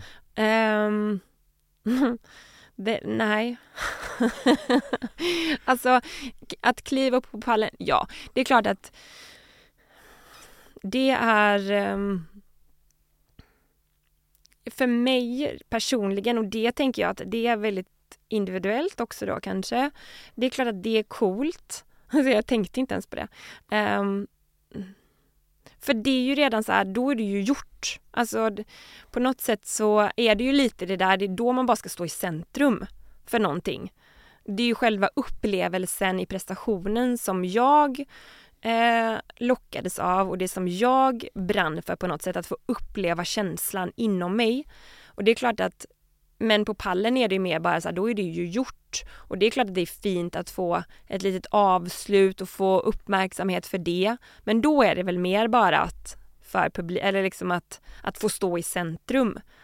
Eh, och det... Nej, det är inte... Det är kanske samma sak där som att jag tyckte det var jobbigt att springa ärovarv. att, att det var mer bara för sakens skull. Vad, vad hänger medaljerna någonstans hemma nu? ja, de... Eh, Eh, ganska många hänger någonstans hos mina föräldrar och några har jag hemma någonstans som jag inte vet var. Så de hänger inte på bästa plats i vardagsrummet då? nej, det gör de verkligen inte. Varför då? Nej, men för att nej. Ungefär samma orsak som att du inte sa alldeles nyss med pallen här. eh, eh, nu la jag orden i mun på dig. Mm tillbaka till den här mörka sidan. Mm. Det fanns ju då journalister också mm. som ville prata med dig. Ja. Hur hanterar du dem? Inte så bra tror jag inte. Um, nej men jag upplevde att jag kom helt fel in i det och hade inte alls någon bra relation till många journalister och jag upplevde också att många journalister tyckte inte heller inte så bra om mig. Uh, av antagligen den anledningen att jag inte trivdes med att prata med dem. Um, och sen så sakta, successivt så började jag väl kanske få eh, tycka att det inte var lika jobbigt längre och sakta började jag kanske få en bättre relation till media och att prata med journalister och också förstod att det är ett jobb som de gör också. De gör inte det enkom för att sätta dit mig. Men så kanske min eh, min spontana känsla var till en början var bara att de var bara där för att vara jobbiga och sätta dit mig. Um, varför det... trodde du, eller hur yttrade det sig att de inte gillade det? Eller varför, varför trodde du det? Mm, det jag vet inte. Uh, och det känns som att det var så länge sedan nu att jag inte riktigt vet varför eller om det ens fanns någon, någon eh, konkret orsak eller om det bara var en känsla inom mig. Eh, antagligen var det nog bara en känsla inom mig. Eh, eller både och. Men, men framför allt en känsla inom mig. Och sen så också att konkurrensen var extremt hård. Att jag var ju inte eh, den enda eh, aktiva såklart, vilket också var skönt att slippa stå i centrum. Men och sen att eh, eh, ja mm, Nej men då eftersom jag inte var den som bjöd till allra mest så kanske inte jag heller var den som journalisterna helst intervjuade. Eh, då intervjuar de ju såklart hellre någon som bjuder på sig själv och berättar någonting än någon som inte vill säga något. Så att jag klandrar ju dem inte men... Ja men journalister gillar mm. ju uh, antingen när det går väldigt bra mm. Då blir det svarta ja, rubriker eller så går det väldigt dåligt. Ja. Det blir också svarta rubriker. Ja exakt, det är också kul. uh, hur kändes det, för att ställa då en journalistfråga, mm. hur kändes det att bli frågad hur det kändes? Uh, för att eh, ett antal gånger måste jag ha känt att här vill jag absolut inte stå och det är för att jag mår Piss. skit. Mm. Ja, nej men så var det ju jättemånga gånger. Eh, och alltså nu så här i efterhand så kan jag ju känna att, för det är ju lite, lite sådär som vi pratade om här innan också. Eh, det där att gå utanför sin, sin bekvämlighetszon, att bli pushad in i gränser som, eh, och in i rum som är obekväm att vara i, det är så man utvecklas. Så på ett sätt är jag ju supertacksam över att jag har fått den frågan så många gånger. För det gör ju också att jag själv har blivit mycket bättre på att, att eh, men det är ju utvecklande. Eh, sjukt jobbigt och extremt påfrestande då för en person som är så, men jag skulle väl säga att jag är en högkänslig person och då också påverkas väldigt mycket av det och mår också dåligt av det. Men samtidigt så fick det ju mig att utvecklas i att, och att lära mig att både ta plats men att också lära mig att reflektera, lära mig att skilja på att jag kan säga någonting som inte, alltså det är en, en på något sätt en påhittad sanning för att överleva här, att förstå, för det är ju också någonting man behöver lära sig att var drar jag gränsen? Eh, och även om jag inte vill det så behöver man ju det ibland för att bara klara av. Eh, och eh, så det fick jag väl lära mig den hårda vägen på något sätt och jag kunde tycka det var otroligt jobbigt men jag kunde också tycka det var otroligt jobbigt att när, när jag var glad och behöva spela, för det blir nästan att man fick spela glad till slut för att, för jag kommer ihåg någon gång, det kanske var när jag hade hoppat 2-0, nej, ja, skitsamma när det var, men jo kanske. Eh, när man så för tjugonde gången i rad, men hur känns det, hur glad är du? Och så bara har man, man har varit genuint glad för så här fem eller tio journalister. Sen har man spelat glad för tio journalister och sen så bara finns det ingenting kvar. För att man är så här, man har ätit sallad i tre månader. Nej, jag Nej, men det är liksom så här, du har hoppat, gjort en maxprestation i några timmar och sen så, sen så bara, men alltså på riktigt.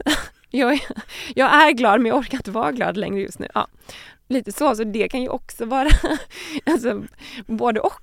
Både att vara glad och behöva, behöva stå och prata om hur glad man är så jävla kul är det inte att Nej, käka sallad. Exakt, exakt, fattar du inte? Hur svårt kan det vara? Nej men, och jag kan också bli jävligt grinig när jag är hungrig. Som de flesta antagligen. Ja, det är klart.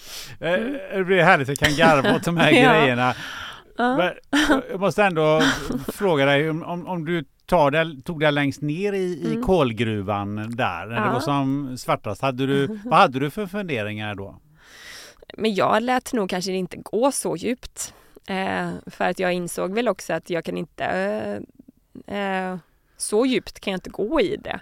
Nej, det var inte vill... så du tänkte att jag, nu lägger jag av eller Nej, men nu, så kan det ju eh, absolut ha. hade jag ju dagar där jag kände varför gör jag det här överhuvudtaget? Det här är ju, jag mår ju inte bra. Var, varför gör jag det här? Men jag, när jag föreläser så brukar jag dra ett exempel som jag tycker liksom är så um, Ja men det, det är så fint och det gör också att jag är så eh, i grund och botten så säker på varf- mig själv i varför jag har valt friidrott. Och det är när, när jag var, ja men jag gick i nian tror jag. Och eh, det, det var SM. Eh, och samma vecka var det också klassresa. Eh, vi skulle åka skidor. Och min friidrottstränare eh, sa att du får absolut inte åka på den här klassresan, åka skidor. Och min mamma sa du får absolut inte inte åka på skidresan. du åker på skidresan. För Emma, det är bara en skidresa i nian. Det kommer finnas och komma massa SM som du kan vara med på sen. Så du åker på den här skidresan. Jag trivdes ju inte jättebra i min klass. Eh, jag älskade friidrott och jag älskade att tävla och jag ville inget hellre än att bara åka på SM och jag vill inte alls åka på den där skidresan. Eh, men man gör ju som mamma säger. När mamma säger något då lyssnar man på mamma. Eh, och jag åkte dit och hade väl jättetråkigt och jag ville bara inte, inte ramla i backen eller någonting. För min tränare hade ju också eh, liksom, ja, sagt att det får du inte göra. Nej, jag vet, kommer inte ihåg, men det var ju i alla fall, det var ju inte, eh, han tyckte ju då att det var fel val. Ja. Men han visste ju inte vad jag, eh, ja, det, mitt samhällskval, vad jag hade för tankar kring det. Ja, och sen i alla fall så kom jag hem och jag, eh, det gick jättebra på SM. Och min tränare var jättesur då för att det gick så bra, för han tyckte att jag borde lära mig en läxa. Eh, men för mig har det varit något, en viktig så här grej att ha med sig. Att känna att jag valde friidrott för min, alltså jag, det var, det var jag. Det var mitt val. Det var inte någon annan, det var inte mamma eller pappa som har pushat mig in i det här utan det var jag som gjorde detta för att jag verkligen brann för det och älskade det och ville göra det. Eh, och att det är, har alltid varit den starkaste drivkraften på något sätt. Eh, glädjen eh, i olika former då. Eh, så det, den incidenten har ändå det, den har varit skön att ha. Just som det, i vetskapen i varför och vad, vad jag grundar allting på på något sätt. Och den har jag alltid kunnat gå tillbaka till då. Sådana där mörka stunder där jag kanske så här, varför gör jag nu det här? Jo, för att den där genuina glädjen till det. Du säger din eh, tränare och när man ser eh, om det är höjdhoppare eller eh, mm. det är kastare eller men alla mm. med just den här eh, friidrottare så har de ju en person som, sit, som sitter där det ofta står mm. eh, på läktaren. Vad betyder den här personen eh, för den aktiva? Um, mycket skulle jag säga och framförallt kanske bara en trygghet att det är någon slags här förlängning i eh, inte för att man egentligen inte kan själv men bara för att det är skönt att känna att man inte är helt ensam för att det är ju ändå väldigt ensamt och utsatt just där i tävlingssituationen.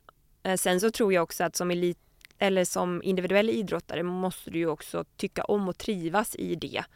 Eh, och att vara bekväm i att det är du som, eh, som ska göra prestationen på egen hand. Men då är det väl den lilla förlängda tryggheten man ändå har någonstans. Att det är någon på ens sida. Ja, för den här personen är ju med en varje dag. Ja. Hur, hur, eh, hur, på, hur, hur viktig är den? Hur påverkar den som, som person själv? Ja men supermycket såklart. Eh, det är klart att de personerna som man har nära sig påverkar den jättemycket. Och det är klart att eh, tränaren och då i mitt fall även träningsgruppen är superviktig. Eh, och ehm, eh, ja, den, det, det blir ju en... Eh, eh, ja, det, jag skulle säga att det krävs ju lika mycket av tränaren, av elittränare. Alltså engagemang och verkligen eh, hängivenhet. Eh, lika mycket. Så den, den personen behöver ju också ha, ehm, ja, verkligen tycka om friidrotten kanske ännu mer än den aktive. Eh, och också vara den personen som kanske också motiverar när det är tufft och tungt och sådär. Såklart. Vad betydde, för jag vet ju att eh, menar, du hade Jannik som tränare. Mm. Vad, vad betydde han under de här mm, stunderna som var mörkare? Hur, hur jobbade ni då? Mm.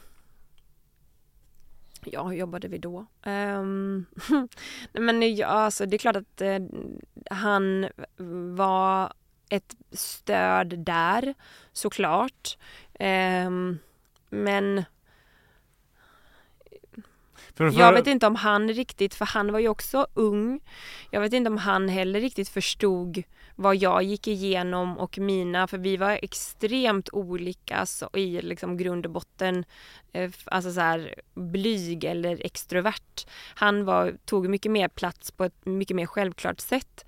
Eh, eller var mm, trivdes mycket mer i det. Så att jag tror inte riktigt han förstod varför, alltså min känsla kring vad det var som jag tyckte var jobbigt i det. Eh, och så att jag vet inte om han egentligen kunde Eh, Eh, det, var ju, det kanske inte var han som hjälpte mig komma ur det utan då var det mer att jag behövde hjälp från någon som professionellt kunde hjälpa mig med det. Som verkligen fick mig och tog mig över gränsen till andra sidan. Eh, men det är klart att han stöttade mig eh, så gott han kunde. Men jag tror också att det viktiga kanske var där att få ha, ha kul. Så det var väl också det han försökte locka fram att Alltså träningen för att det var roligt och få fram glädjen i idrotten då. Um, men fanns ingen fördel i om han nu var så extrovert, han gillar ju att prata med Mm. pressen, det har man ja, ju sett. Ja, precis. att han liksom kunde ta det där som så du skulle eh, slippa. Jo, men och det gjorde han ju. Eh, definitivt. En sak jag funderar på eftersom jag själv har stått i ett par tränarskor, Ja. dock inte i, en individuell idrott, och därför är jag lite nyfiken också för det, Ja. det, det är ju säkert en helt annan grej. Mm. Ehm, men det jag tänker på är ju att man som, som tränare, som coach kan man ju vara väldigt olika. Mm. Ehm, och eh, eh, jag har väl själv ibland fall, fallit i den där fällan eller, eller vad man ska säga, att Mm. vara den person man är. Jag vet inte vilket, hur man ska uttrycka sig. Och säkert när jag var yngre, att resultatet spelade väldigt stor roll Ja. med det laget då. Man Ja. gjorde. Ja. Hur, hur är det i ett, i ett sånt läge för, för eh, som tränare någonstans för frihet så är, måste man vara extremt resultatinriktad eller ska man inte vara det? Oj, ja men det, och det tror jag är, väldigt ehm, det är väl också det där att ha fingertoppskänslan för all, vi är olika, alla är olika, drivs av olika saker och det som kanske sporrar någon håller tillbaka en annan. Och jag kanske hade behövt eh, en liten annan ingång till det för att jag kanske också var ganska eh, tuff mot mig själv många gånger. Jag kanske hade behövt lite, eh, inte så strama tyglar i, kring det. Eh, jag kanske hade behövt att det inte var så mycket fokus på, på resultat på ett sätt. Och på ett annat sätt så var det ju också det som, eh, som drev, alltså som hela tiden också var en stark motivator att ehm, ja men att nej så dålig är jag inte. Eller liksom om man, om man känner att man kommer med lite låg energi och har kanske, ehm, ja men är lite rädd för att på något sätt inte vara tillräckligt bra. då, om när man också då får resultatet svart på vitt så är det också det som får en att bara så här bli lite så här, lite jävlar namma och bara, nej men nu får du fasiken bara ta tag i dig själv. Eh, för på något sätt så är det ju det är ju jobbigt att aldrig, aldrig kunna eh, vad heter det, vad ska man säga? Eh, man kan inte gömma sig för resultaten utan det- är bara det är så, det är så extremt tydligt. Men det var ju för sig, eh, ja men det var Jannica ändå ganska bra på att hitta sätt och lösningar, hitta nya, när han visste att jag led av det. Att kunna hitta ah, andra sätt eller andra övningar för att lura sig själv lite. Eh, och lura mig att tro kanske att jag var bättre än vad jag var. För det är också det man behöver ibland, att tro. Fast eh, på något sätt visste jag ju ändå att jag inte var bättre kanske. Och jag förstod vad han höll på med. Men, men det var ju en fin ansträngning. Det svåra som jag upplevt många idrottare som jag har pratat med säger och, och, och det kan väl själv också eh, av egen erfarenhet, det är det här med vila. Mm. Alltså det här med våga, Ja. våga att inte göra någonting, våga att inte Mm. träna. Hur var det för dig? Mm, jättesvårt.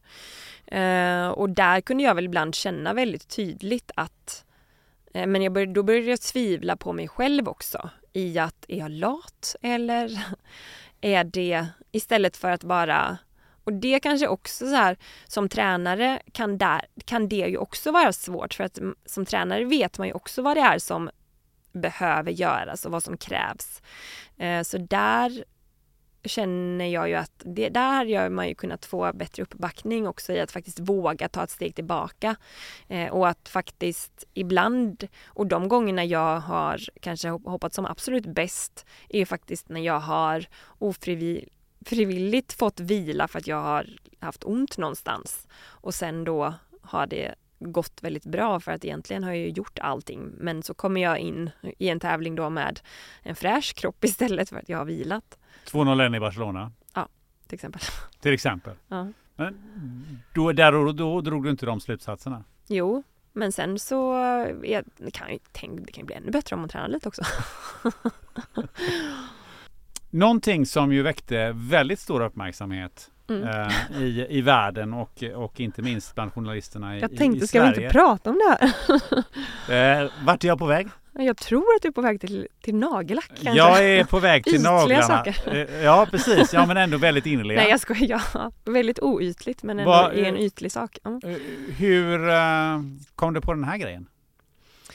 Ehm, ja, egentligen så vill jag ju säga att jag kom på det här men egentligen var det kanske inte jag som kom på det. Eller så var det det ändå.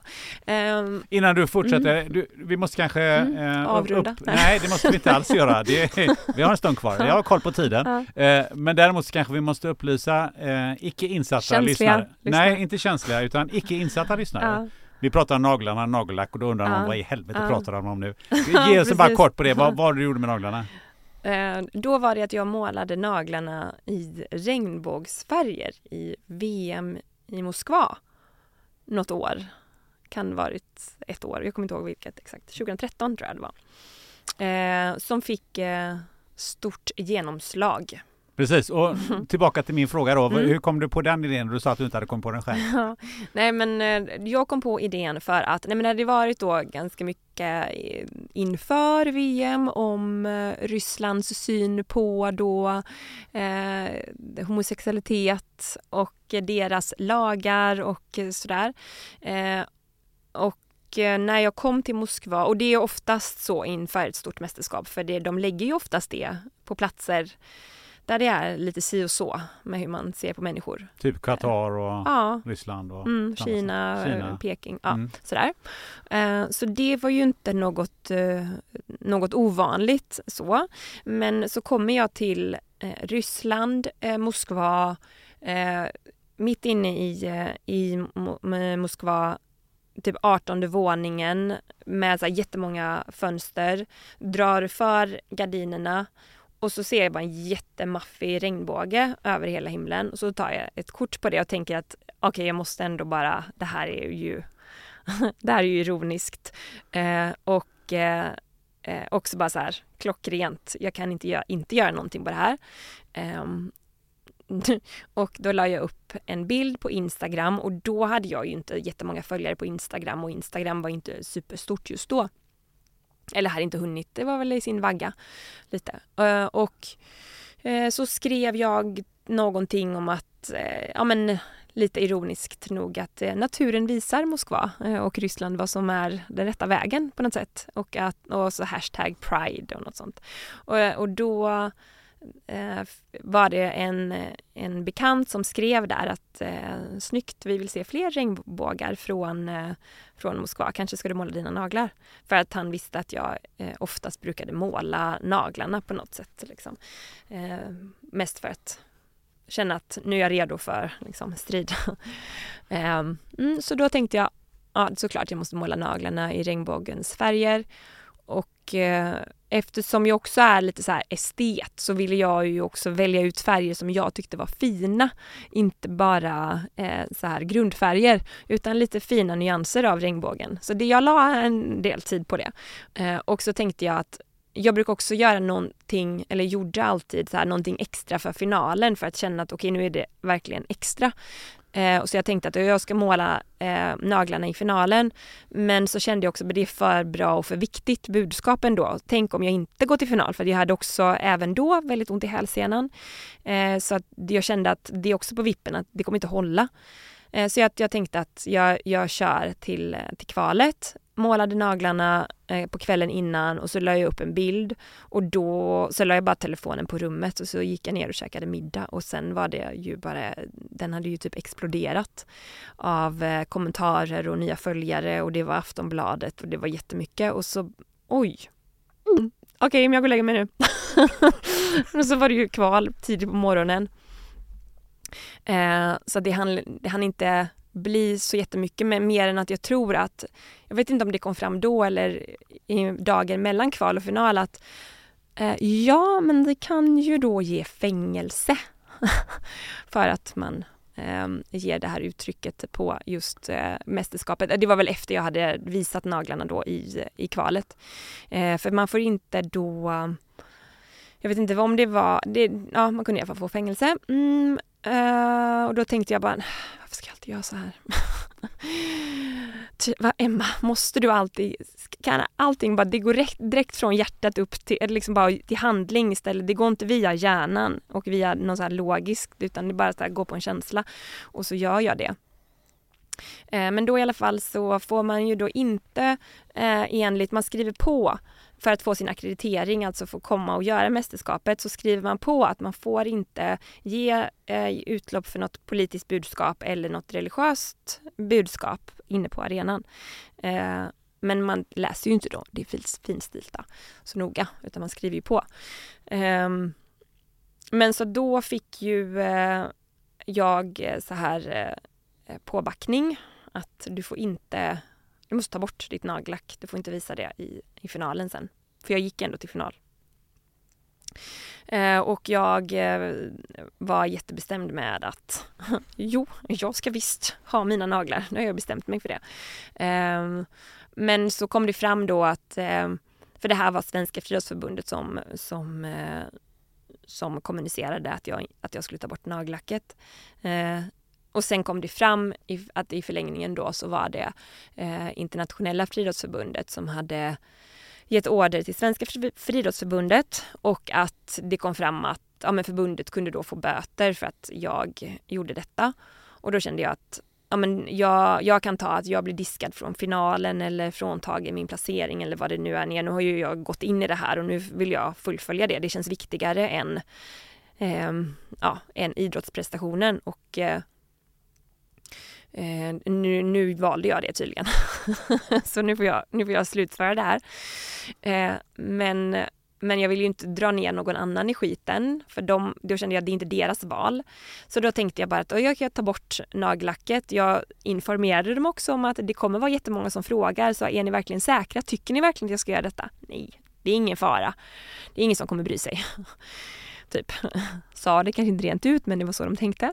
Um, och sen så målade jag naglarna röda istället eh, och bestämde för mig själv att det står för kärlek eh, och att det i min värld kan inte vara fel. Världen behöver mer kärlek och spelar ingen roll vem man liksom uttrycker sin kärlek. Bara, bara det är kärlek så är det, det, liksom, det var slutsatsen. Eh, och efter då finalen jag hade fått byta ansats och massa saker för att jag hade då jätteont i min hälsena och jag kände bara att jag måste hoppa bra nu för att annars så kommer ju alla tycka att jag målade naglarna för att jag inte kunde hoppa höjdhopp liksom för att jag skulle ha uppmärksamhet vilket det var inte fallet.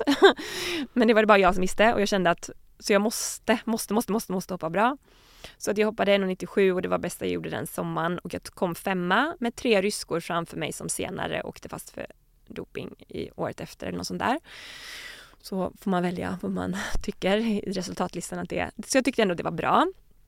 Och sen gick jag ut i mixed zone och då gick, kom, jag gick in tillsammans bredvid, typ sida sida vid eh, Usain Bolt och eh, han gick om mig och gick ur mixed zone innan, alltså jag var kvar i mixed zone längre än vad Usain Bolt var.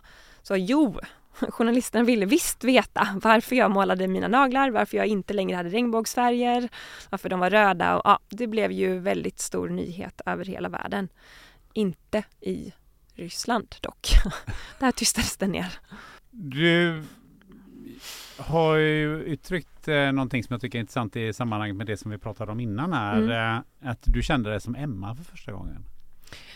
Ja, men det var väl också eh, just det där att hela tiden eh, om så som jag um, Ja men just det där med prestationsångest och att, he, att på något sätt så här, he, jag höll ju inte på med, i, eller med höjdhopp eh, bara av anledningen att stå på pallen liksom. Utan av upplevelsen och jag eh, kanske hade också ett behov av att känna att jag var grundad i mig själv också, att jag var någonting mer, att jag var en person. Och att på något sätt så blev jag ju bara en prestation alltid och allting kretsar ju bara kring eh, prestationen, vilket på ett sätt eh, jag älskade också liksom att, att göra det där. Men på något sätt så blev ju det också väldigt, det, det blev ju till slut också en betyngande också på ett sätt. Att det blev som att jag var inte en person. Och när jag gjorde det här så blev jag ju på något sätt, ja, det fick jag ju göra som den personen jag är och inte som att jag hoppar höjdhopp eller någonting. Det var ju egentligen skitsamma. Så det var bara på något sätt så lite befriande att få en gång bara få öppna på locket och visa att men jag är också en människa bakom prestationen. Eh, och lite det där på temat då att man inte är sin prestation. Men det är ju väldigt många elitidrottare som upplever att de är sin prestation. Eh, och sen så mår de inte så bra när de slutar för att de identifierar sig alldeles för mycket med sin prestation. Och det här var väl på något sätt bara någonting som gjorde att jag fick kanske lite mer äh, kraft till min prestation. För att jag på något sätt så här kunde andas lite och känna att jag är faktiskt en människa och jag har bevisat det nu. Så ser ni. Någonting som jag funderar på så här avslutningsvis. Om vi går tillbaka till den här 21-åriga Emma. Mm. Uh, nu har du ju själv barn. Ja. Uh, och uh, vad hade du sagt till den 21-åriga Emma om du hade fått vara din coach eh, där? Eller att du eh, ja, helt enkelt eh, ställer dig utanför din egen, din egen person där och då. Vad skulle du ha sagt? Mm, jag tror inte att jag hade kunnat säga så mycket utan det handlade nog mer bara om att eh, på något sätt finnas där Eh, alltså om jag, om jag, ja, om vi nog, då tänker jag att jag skulle kunna få ha den rollen som jag eh, hade önskat att det fanns någon sån roll.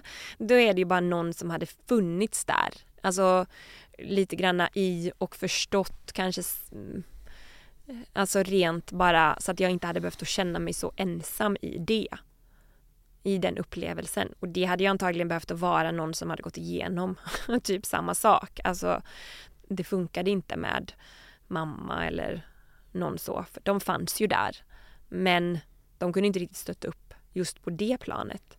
Så du blir din, dina barns bästa coach nu då? Mm, nej, det kommer jag inte bli. Har jag insett också. Jag kom på det häromdagen att, att min mamma och pappa, men framförallt mamma kanske, hade ju också en klar tydlighet att hon inte ville att jag skulle gå för tidigt in i elitidrotten och höll mig tillbaka. Och det gjorde ju hon såklart utifrån sina erfarenheter och upplevelser. Och jag kommer ju såklart stötta mina barn utifrån mina upplevelser och erfarenheter. Men det inser jag ju att de är ju också unika individer som kommer behöva något helt annat som kanske inte jag kan se. Men jag tänker att jag får väl göra det bästa som jag kan eh, utifrån de upplevelserna och erfarenheterna som jag har. Sen lever jag också med en före detta elitidrottare som kommer från lagidrotten som kanske har sin synpunkt på det. Så kan vi ge våra, de bästa tipsen från båda världar. Eh, men jag tror också att på något sätt så, jag vill ju absolut stötta stötta och finnas där. Men jag vill ju också att de ska känna att det kommer från dem själva och att det är i så fall deras egna val och att jag vill också att de ska få utvecklas som eh, individer på eget sätt. Och det är jag väldigt tacksam över att mina föräldrar har, har gjort eh, för mig. Fått mig att göra det på egen hand. Liksom. Fantastiskt. Nästan avslutningsord. Men nu sitter folk säkert och, och, undrar. och undrar. När får vi se Emma i Let's Dance? I den mån Let's Dance kommer att finnas. Exakt, vad nu, nu tar ju det, det en paus. Ja. Jag, jag har ändå fått frågan, men sagt nej. För att jag var eh, jättegravid då. Mm. Så det var det enda som hindrade dig? Jag tyckte det var skönt att kunna ha det så att jag inte behövde ta något beslut. För det känns också som att det är en liten sån grej, lite som Mästarnas mästare och sånt att det är, och det är väl ännu värre, Let's Dance, att jag vill verkligen inte men kan jag säga nej? så lite där. Och då kände jag Gud vad skönt att du frågar just nu, för nu kan jag verkligen inte säga ja. och ja. nu så kanske de lägger ner, så då, slip, då slipper jag. ja, men någonting har du väl lärt dig att säga nej under, under ja, din, fast, eh, din karriär. Ja, men ibland är det också det där att man behöver, man vet att man behöver säga ja för att växa och för att våga och utmana sig. Eh, och så ska man veta då den här fina gränsen i att Och det är väl lite det där att på något sätt så, så känner jag väl kanske att, att det är någonting som jag antagligen har tyckt att det var väldigt roligt men också fruktansvärt jobbigt. Men ibland så behöver man ju pusha sig över den gränsen för att uppleva det där, liksom, det där extra eh, som är väldigt, väldigt, väldigt roligt som man inte får uppleva annars. Eh, och det kan ju vara den. Eller så är det bara plattfall och magplask. Det vet man ju inte. Men det vet man ju inte för man inte testat. Det vet man inte. Um. Det här uh, samtalet som vi har haft nu, hur långt har det varit utanför din komfortzon? Hur har det känts? Det har känts bra. Och jag har ju ändå styrt in det på inom, innanför för komfortzonen. Ja, jag, har inte tänt, jag har inte tänt Nej, på den så mycket kanske. Nej, jag tycker du har varit snäll. Jag varit snäll. ja. Eh, du har ju fått en uppgift. Mm, Du ska tipsa om en gäst. just det. Mm. Mm. Vem är det? Ehm, Ja, men du får hjälpa mig med vem det är. För jag har, eh, Eh, jag har funderat på, och jag tycker det är, jag är, jag är så dålig på så här listor, vem är din idol och vad, vad är topp tre bästa film, allt sånt där. Men jag skulle vilja lyssna på någon som ja, men har valt att gå lite utan, alltså jag tycker det är intressant vad som driver människor att, att ta olika liksom, riktningar i livet. Och jag tänker att vi alla behöver bli mer inspirerade till att, att ehm, ja, men vara lite mer nöjda och att vara lite mer närvarande, att välja att ta ett steg tillbaka. Att inte liksom maxa allting.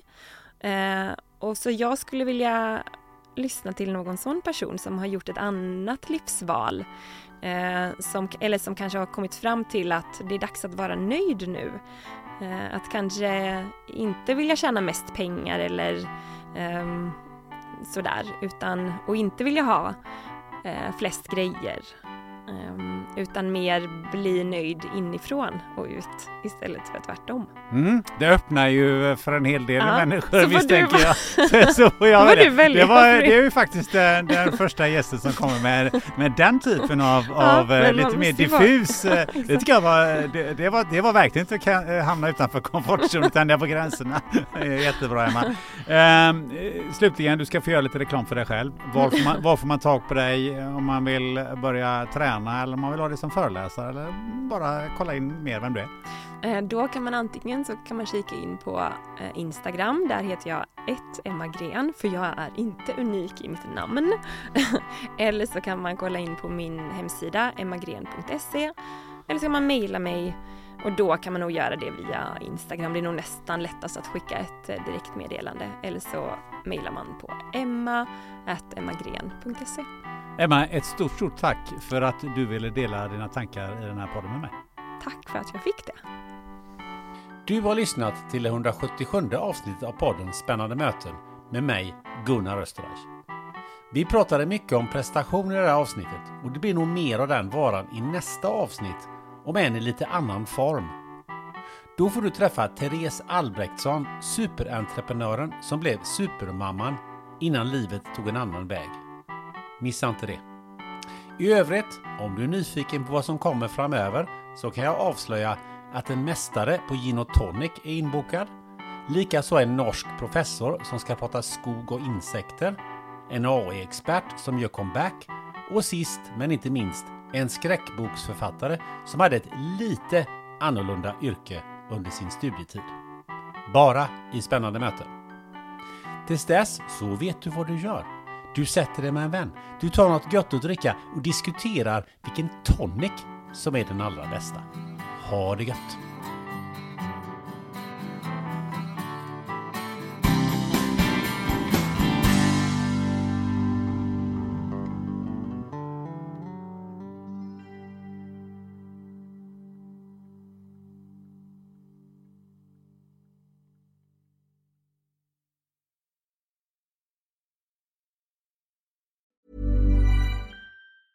Hey, folks, I'm Mark Marin from the WTF Podcast, and this episode is brought to you by Kleenex Ultra Soft Tissues, your ally to help tackle your allergy symptoms this season. I love the change of seasons, but nobody loves pollen and all those other things floating in the air that make you sneeze during this nice weather. Kleenex Ultra Soft Tissues are hypoallergenic and allergist approved. So fight back against watery eyes and runny noses without worrying about irritating your skin. For this allergy season, grab Kleenex and face allergies head on.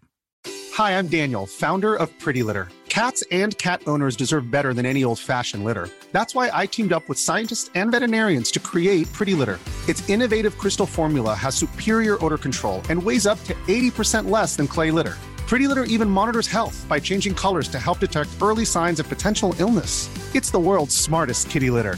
Go to prettylitter.com and use code ACAST for 20% off your first order and a free cat toy. Terms and conditions apply. See site for details.